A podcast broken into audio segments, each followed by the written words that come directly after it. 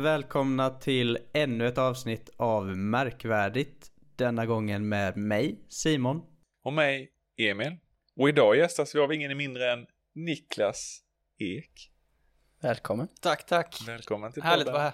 Vi börjar direkt och slår på stort. Vem är Niklas? Eh, Niklas är en eh, före detta musiker med mycket energi och eh, vilja att göra saker. Det Ja, är nog ja. jag. När du var liten, vad ville du bli när du blev stor? Jag ville nog bli eh, rockmusiker ganska tidigt. Jag hade en som jag tyckte var cool då och jag har aldrig lyssnat på honom så jag vet inte men han såg cool ut och det var Roxy 77. Och där blev det lite, att jag började. Och sen hade vi en, eh, en vacker lärare i lågstadiet. Som, och hennes föräldrar tillverkade instrument. Så då skrev jag någon låt och spelade den och så fick jag uppmärksamhet där sen så var jag nog hooked. Ja, vad fasen, du kan väl berätta lite om din eh, musikaliska karriär? Ja, den började ju då i lågstadiet, jag på att säga, med blockflöjt. Med blockflöjt? jag, fast, jag fastnade nog för det med. Det är någonting med det att skapa som är så jädra härligt. Och sen så eh, gick jag ju på gitarr så fick man, fort man fick göra det. Och körde ut den första boken, tror jag på andra tillfället, för jag satt och spelade hela tiden hemma. Och sen blev jag tvingad att sitta på rummet med min syster. Hon lyssnade på Nirvana. och jag tyckte det var så himla dåligt. Men sen, sen så var jag hooked och Nirvana är det bästa bandet i världen. De har ju allt. Roliga intervjuer, bra texter och så är det ganska hårt. Sen efter det då så började jag musikklass, 7 till 9 Och då sjöng jag lite.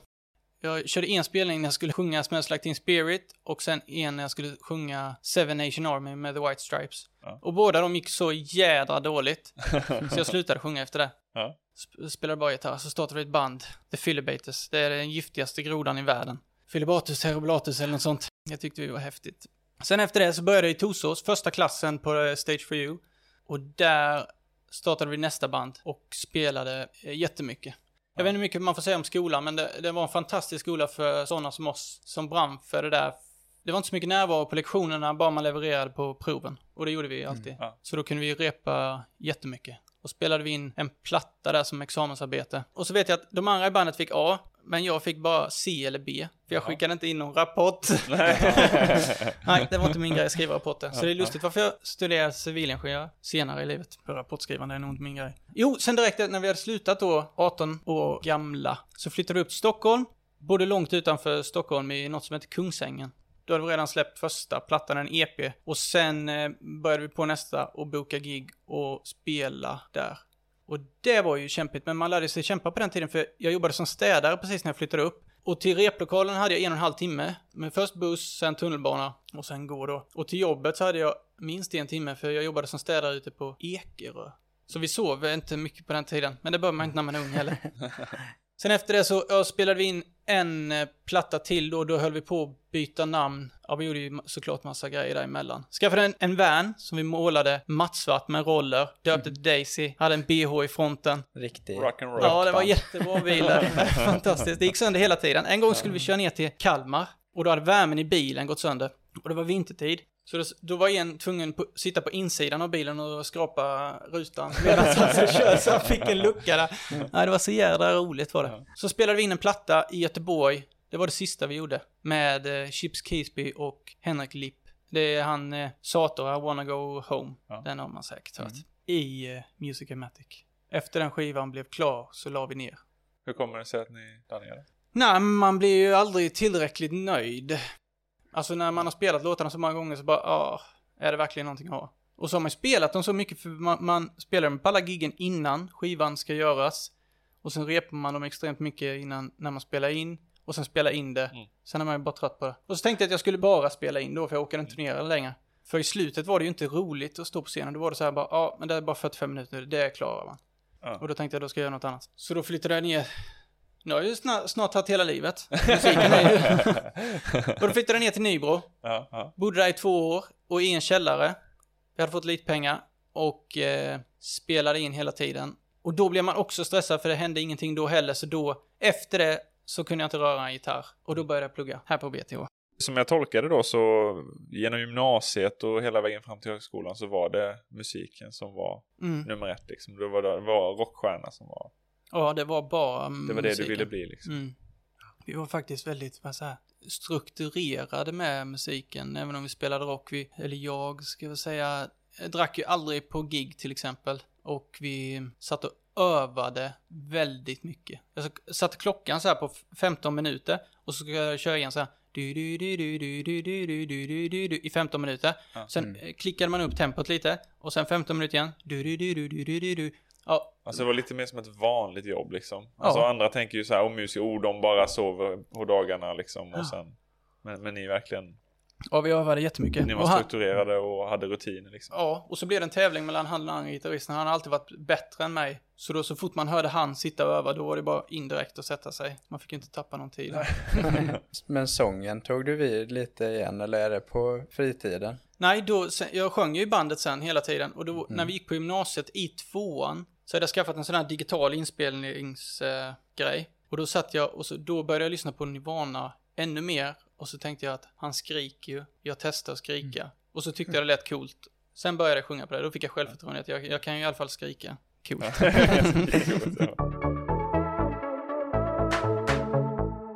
När det var dags för eh, högskoleval då? Vad valde du och varför? Egentligen av helt fel anledning. Jag ville bara ha en utmaning. Ja. Och så tänkte jag, vad är det svåraste jag kan bli här i närheten då, när jag bodde i Nybro? Ja. Och då var det läkare, och det vet jag inte ens om det finns i närheten. Eller då civilingenjör, för det läste jag att det skulle vara svårt. Men så hade jag ingen matte och det, och så hade de ju perfekt på BTH, för om man hade gått eh, teknisk baser så fick man ju ja, i princip fribiljett in i, in i utbildningen. Så ja. då hoppade jag på eh, teknisk baser. Var studierna som du tänkte? Eh, nej, jag trodde det skulle vara mer företagsinriktat, mer entreprenörigt. Första året där teknisk baser var helt grymt lärarna vi hade då var fantastiska och man lärde sig jättemycket av det här grundläggande. Och jag var jättemotiverad. Och så var jag också på de första året på civilingenjörsutbildningen. Då var jag också jättemotiverad och eh, pluggade jättemycket. Men sen då tyck, började jag tycka att det här är för lätt. Om man bara lägger ner tiden så klarar man det. Så då tänkte jag att jag skulle börja läsa snabbare. Men det, det fick jag inte av eh, programansvarig på den tiden. Mm. Men så hjälpte en av dem från Teknisk bas in mig på en kurs så att jag kunde läsa en kurs snabbare mm. och påbörjade. Men det resulterade bara att jag fick en lucka sen. Och sen gjorde jag ett försök till typ år tre och det var samma sak där. Det gick inte att få igenom. Men det positiva med det är att då började jag med massa annat istället. Så då på skolan så var jag med i ledarskapscaféet, hade någon, eh, inte föreläsning ska man inte säga, men eh, när vi diskuterade kreativitet och skolan och detta. Och sen var jag ledare för mentorskapsprogrammet och då träffade jag massa spännande personer. En från eh, Almi då som var min egen mentor. Som var jättebra på att guida mig i det, ja, i livet. Han var fantastisk. Vilket är det roligaste området eller kursen som du har haft när du studerar? Roligaste kursen eller området under utbildningen, eh, det är nog eh, matematikkurserna faktiskt. Det tyckte jag var spännande. Ja. Och det var en lärare som sa troligtvis varför, eller varför man kan det, är för att det är likadant som musiken, det handlar bara om att se mönster. Ja. Så det var jätteroligt att försöka skapa de här matematikmönsterna i huvudet. Mm. Jag borde kanske varit mer intresserad av ekonomi och detta, men det, jag skulle behövt mer praktisk ekonomi för att det skulle vara, för att jag skulle börja brinna för det. Mm. Mm. Vad är det bästa med studietiden? Det bästa med studietiden? Ja. Det var nog att jag började på BBI faktiskt. Studietiderna har för mig varit något jag måste göra för att komma dit jag vill. För att kunna söka mig till de jobben. Alltså det är liksom bara en grej att ta sig igenom. Mm, ja. Exakt. Och vad är det viktigaste du tar med dig från studierna? Det är väl någonting jag egentligen lärde mig tidigare när jag spelade musik eller åkte skateboard. Det här med att, men man fick väl bekräftelse på det. Att det bara fortsätter man göra någonting så kan man det till slut. Ja. Man behöver liksom mm. inte tänka så mycket hur ska jag fatta detta utan bara sätter man sig bara ner med grejerna så sitter det efter ett tag. Mm. Så har jag lärt mig det mesta i livet. Eller så här, om man säger till träningsgrejer. Ja. Det här kanske låter lustigt och det kanske är helt fel. Men för mig är det att jag, när jag är som tröttast så hittar jag rätt teknik. Ja. Typ när jag skulle lära mig windsurfa. Jag kom inte in till land och hade lite panik. Och var för trött i armarna. Och då bara fattade man ju hur man skulle hålla i seglet för att, för att armarna skulle åka med det. Ja. Sista frågan gäller studierna då. Det är mm. om det sitter någon där ute och funderar på att läsa samma utbildning som du. Yep. Eh, vilka är dina bästa tips? Hitta varför du gör det. Många vill ju festa under den här tiden. Ja, det är klart man kan festa, men fokuset ska vara plugget och ha det jävligt strukturerat så här med to-do-list så att dagarna och sen sitter man mycket som jag gjorde i början, för då blir plugget mycket roligare också. För Ja. då blir man ju smartare och det, allting känns mycket bättre när du ligger på plussidan än lite på minussidan. Så struktur och schema, Ja. to-do-list och sen träning har varit ett måste för mig. Jo, hitta varför man gör det. Och sen så har du det målet på något vis. Måla upp den här bilden om varför du ska göra det. Så att du orkar sitta där när det blir tråkigt. För det blir det ibland. Hur förändrades det för dig? Jag tänker, för du började ju då med ett, ja men jag vill ha en utmaning, varför? Mm. Men förändrades det sen över tidens gång? Ja, det gjorde det. I början så ville jag ju bli, då hade jag som mål också att jag ska bli den bästa eleven de någonsin har haft här. Ja. Så jag la jättemycket tid i början på att plugga. Men sen så började det ändras för att jag började fundera på vad ger det här mig egentligen och lägga så mycket tid på det. Finns det något jag kan lägga tid på som gör mig bättre på ett annat vis? Och då var det ju att dra åt företagandet och försöka lära mig mer om det jag tycker är väldigt intressant. Mm. Och vad hände sen? Jo, sen började vi på BBI ju och där var ni med. Och det var ju fantastiskt. Jätteroligt, spännande att skapa företag och detta och, och resan vi gjorde till Silicon Valley var ju något av det bästa jag gjort i livet. För då var första gången jag kunde tänka mig ett redigt, ett vanligt arbete. Och då var det ja, Fredrik som fick mig att sånt jobb som han har vill jag ju ha. Det är liksom samma som musiken egentligen. Man jobbar liksom lite hela tiden och man är ute på turné eller då reser mycket med företaget. Du kan ju säga då för lyssnarna Fredrik Bäckström som gästade två Mm. avsnitt sen. Mm. En fantastisk människa. Några år in i studietiden så kom du ut i arbetslivet. Jag har jobbat ungefär kanske två, två och ett halvt år på företaget som är nu, Tactical Headset. Och det är helt, för mig är det helt magiskt. Det är jättemycket fritid. Man kan jobba hur mycket man vill och hur lite man vill egentligen, men under ansvar då. Och jag tenderar ju att gå att, att jobba hur mycket jag vill. Det är väl därför man kan ha den friheten. Vi säljer kommunikationslösningar eh, till militär och räddningstjänst som befinner sig i högt buller och mycket oljud och där det behöver ha säker kommunikation. Så då har vi ett patenterat headset med en halsmikrofon. Och halsmikrofon har ju funnits länge, men de kallades ett tag eh, strupmikrofoner med. Så då blev det ju strypmikrofoner för de, de satt så fruktansvärt obekvämt och så låter de som du pratar med handen framför munnen. Men det har vi jobbat på under lång tid och få detta att låta så naturligt som möjligt. Och nu är vi där då. Och de sista två åren har vi även med coronapandemin, som har varit negativt när allt stängde ner, så har det varit positivt för oss, eller väldigt positivt för oss, för vi har tagit hem produktionen till Boda glasbruk. Det är en ort som ligger mellan Nybro och Emmaboda kan man säga. Eller där omkring. Och det ger oss väldigt mycket större flexibilitet och vi kan ha mycket bättre kvalitetskontroll. Och eftersom de flesta människor ska ha specialbeställningar, ska vara till en viss radio, nästan alla radio har ju olika adaptrar och så ger det oss väldigt mycket att kunna ha produktionen där. Och där är jag ju då försäljningschef. Och vad det innebär, egentligen vet jag inte på ett större företag vad, vad gör de, men för mig är försäljningschef att jag hittar kunder och jag hittar områden där vi kan göra nytta och där de är i behov av detta. Alltså du jobbar med affärsutveckling då, inte bara med personalansvar och oh, jag är chef över säljarna liksom, utan Nej, väldigt lite egentligen personalansvar. Det är ju, handlar ju om att folk ska må bra på jobbet. Det är väl det som är mitt personalansvar då. Och se till att motivera det. Men annars är det mycket tänkande att ta fram eh, nya produkter och eh, ut och träffa kunder. kul. Ja, det är Det jätte, låter jätteroligt. jättekul faktiskt. Häftigt att hoppa på en sån roll parallellt med studietiden. Ja, det är nog det som har gjort att jag klarade av studierna. För då, sista tiden tyckte jag inte det var så motiverande. Och då hade jag något vid sidan av som jag tycker är så himla roligt. Och där får man ut och resa med och träffa nya människor. Och det är mycket likheter med musiken i detta att stå på scen och möta kunderna. Mm. För man måste ju hela tiden hålla koll på hur de mår på något vis. Och liksom vad vill de att jag, vad är det för nästa låt jag ska spela?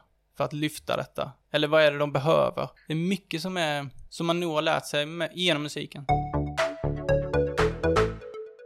Vad är det viktigaste för dig hos en arbetsgivare? Om du skulle söka efter ett jobb, vad är det viktigaste som ska finnas? Till detta jobbet blev jag ju uppsökt. Men om jag skulle söka ett jobb Du har beskrivit en del Ja. med friheten och Ja. Och där var det ju en produkt med som jag trodde på och som gör nytta för det, där det används behövs det verkligen. Men jag, jag, skulle nog vilja, när jag söker mig till ett jobb så är det nog mycket att jag skulle vilja bli inspirerad av mina medarbetare. Det är nog väldigt viktigt vem som är min chef. För jag tycker människor är väldigt spännande och så vill jag liksom veta hur, hur har de kommit dit de kommit och jag skulle vilja lära mig så himla mycket av så många personer. Så att jag kan göra vilket skitgöra som helst egentligen. Bara det är en spännande, motiverande person som jag på något vis ser upp till. Det är mentorskapet som ja. är det mest värdefulla. Ja, också. exakt. Jag letar nog alltid efter det. Eller så här, när eh, energin flödar så kan man ju ofta känna sig vilsen så här. Och så tänker jag ofta att om jag har någon som kan guida den här energin, då kan jag göra hur mycket som helst. Mm. Så jag letar nog efter de här, någon som kan eh, peka mig i rätt riktning. Mm. Annars är man ute och fär väldigt mycket. Tillbaka till eh, jobbet och din nuvarande roll då mm. som försäljningschef. Mm. Hur ser en typisk dag ut för dig? En typisk dag är ju att jag kommer till jobbet, tar upp datorn och kollar vad jag har för mail. Och det har blivit lite min roll på jobbet att ha, ha hand om möten så att vi strukturerar upp vad det är som måste göras i nuläget. Och det kanske man inte kan tro att jag är så himla... Jag är så ostrukturerad på ett vis men så väldigt strukturerad på något annat. Jag älskar att ha de här mötena och de här listorna. Det här ska vi göra, vi bara bockar av och så tar vi oss vidare. Ha alla så de kan ha något att göra och något som tar oss framåt. Och sen är det ju att ha hand om eh, kunderna. Vi har några större kunder där vi håller på med hela projekt där vi säljer in eh, industrier då, där vi säljer in hela kommunikationslösningen. Både hörselskydd, mikrofoner, eh, olika typer av over-ear, in-ear, halsmikrofon, bommikrofon, beroende på vad de vill ha. Och sen har man en, eh, en applikation i mobilen istället som, eh, istället för att använda komradios, som de flesta gör. Så blir mobilen din komradio och det finns många fördelar med att ha det i mobilen. Har ni mjukvara då till också för att strukturera grupperna? Och ja. så? Alltså en, en, app då typ om man kopplar till telefonen mm. och... Vi samarbetar, vi är ju ett ganska litet företag. Ja. Så det har vi också jobbat med de sista två åren, det är vi har hittat eh, många bra samarbetspartner. Vilket som känns nu, jag vet ja. ju dock inte hur det varit innan, men nu verkar det vara mer öppet och att man slår sig ihop och hjälper varandra. Det finns vissa som inte gör det. De är jättesvåra, men de har nog, och jag tror de kommer bli utslagna när som. Ja. De är stora så de har ju fördelen av det, men det börjar komma så många andra som lyssnar på kunderna och förstår vad kunderna behöver. Mm. Eh, applikationen vi arbetar med heter Group Talk. Mm. Mm. Jättebra kommunikationsapp. Så är det någon som vill ha det så hojta till. Vilka är de största utmaningarna med ditt jobb? Utmaningen är nog att man måste vara, tåla mycket stress för att eftersom vi är små så vi måste ha in kunder och sälja. Är man på ett större företag så behöver man, man kan ha en dålig vecka, men vi kan inte redan ha dåliga veckor på det viset. Man jobbar för nästa lön lite. Ja, i princip. Och det är väldigt spännande och givande. För att det, kickarna blir ju större. Men tycker man det är obehagligt så är det ju inget jobb för en. Och en annan utmaning är vilket vilket steg som är viktigast att ta i nästa steg. Vi har många förfrågningar om samarbeten och vilken av kan generera mest och vilken går snabbast. Så det är en stor utmaning att veta åt vilket håll vi ska. Vad är på gång just nu? Det kan vara om ni har något projekt eller någon eh, speciell satsning som ni pysslar med. Det är egentligen de här olika samarbetena kombinera vårt headset med befintliga produkter. Det är ju mycket till vad som finns i militären, i deras fordon och vad de använder för saker. Och eh, då även in nu på industrisidan. Och olika typer av bluetooth-lösningar med. Den är jättespännande och finns jättemycket där i. Så det är nog i höst så har vi, det är olika typer av bluetooth. Men det är ju så, i bluetooth finns det massa grejer så här som mesh-system och sånt som, eh, ja, det, det har ni säkert hört från sådana lampknappar. De meshar sig också en del, de här Plaid i alla fall. Och då är jag självläkande nätverk, så när man går utanför rangen så kommer in igen så är du med igen och du får längre räckvidd för att studsa mellan personerna. Förut var intercomen så i bluetooth att man hade en huvudperson och den connectade alla till, så han var ju tvungen att vara någonstans i mitten. Och så den i kombination med tvåvägsradios är ju grym. Så där finns mycket att göra. Men eh, Niklas, vad skulle du värdesätta högst hos en person som söker jobb hos dig? En vilja och ett driv. Och ett intresse, tror jag. något som är viktigt för mig, om, om en person jobbar så sitter inte en och vilar, utan vi tar rast samtidigt, vi arbetar samtidigt. Man är en flock eller man är ett team. Och noggrannhet. När du gör någonting så ska det vara bra gjort. Det är ingen mening att göra det dåligt, då får det hellre ta lite längre tid. Det är nog viktigt. Noggrannhet. Tokig får de gärna vara. Bonkers. Ja. Om det sitter någon där ute nu som tänker, oh, jag vill bli precis som Niklas. Mm. Jag vill bli försäljningschef. Mm. Eh, vilka är dina bästa tips då? Jag halkade ju in lite på detta. Ja. Och jag har ju varit intresserad av men det är att bara testa saker, hoppa på saker hela tiden. Och sen till slut så tänker jag bara att man hamnar rätt. Och ibland när man Mm, hoppar på mm. saker hela tiden så blir det lite för mycket, men man klarar Mm. mycket mer än vad man tror. Bara man får vila lite emellan. Så testa. Och de som vill bli det, det är inte säkert de vill det, tänker jag också. Nej. För, för många personer så är det ju inte världens bästa yrke, tänker jag. Eller man, kan, man tänker att det inte är världens bästa yrke. Och sen Ja. så kanske man har passat superbra. Jag har då hittat lite olika, man kanske inte kan kalla det jobbannonser för det är olika typer av eh, meddelanden från rekryterare och i vissa fall jobbannonser som är, eh, ja, lite knäppa kan Ja, man tycka. Spännande. Nu är du på engelska. Så att Oj, jag sket ja, sig. nej, då... här är en som har fått ett svar från en rekryterare. Mm. Hallå Jeffrey. Tyvärr på grund av vår företagspolicy så kan vi inte erbjuda positioner eller jobb till folk som heter Jeffrey eftersom att det funkar inte i vårt databassystem. ja. Så det är någonting som Jag förstår ju eh, problemet med det. sig. Väl med, ja, skiter sig med mailadressen eller någonting. taskigt läge eller Ja, taskig anledning till avslag. Här har vi nog ett bra exempel på en automatiserad eh, automatiserad jobberbjudanden. Jag vet du och jag Emil pratade om det bara häromdagen att man får upp alla möjliga konstiga rekommendationer som inte har någonting att göra med det man pysslar med. Men här är det ändå som har fått Hej! Din erfarenhet som obduktionsassistent och intern på eh, Dr. Sidney B. Weissenberg Center for Forensic Science, Sciences eh, stack ut för mig när jag letade runt och jag hittade din profil på LinkedIn. Vi söker folk till Moe's Southwest Grill och jag tror att du hade varit Ah, en utmärkt kandidat. ja, ja. Skicklig Ja, köttstyckare. precis. Det, de vill ha. Här är en då som har fått ett svar med vad jag tror är av misstag så har de vidarebefordrat en mejlkonversation när de har svarat en eh, jobbsökande då. Den som har vidarebefordrat och skrivit och han har skrivit så här. Andrew, eh, glada nyheter. Den rekryterande chefen är eh, imponerad av ditt CV och eh, skulle jättegärna prata vidare med dig. Och sen så ser man då vidarebefordrade mejlet under. Så är det någon som skriver, jag tar det på engelska för det blir roligare. Hi, I'm talking to this nerd tomorrow. He graduates this month and he has some good experience. Punkt. Det är nog mycket sån intern kommunikation som absolut inte får komma ut. Jag råkade skicka Ja, det till en kund en gång. Som jag skulle skicka. Ja men då, jag tror jag bara ska eh, skicka bilden på salladshuvudet. Men då var det, det var en tatuering, ni skulle sett den, den är skitrolig. Det är en tribal tatuering som ser ut som ett salladshuvud. Ja. Ja. Och sen kompisen har en sån, och dit jag skulle skicka det. Men eh, han svarade inte sen. Även om jag bad om ursäkt.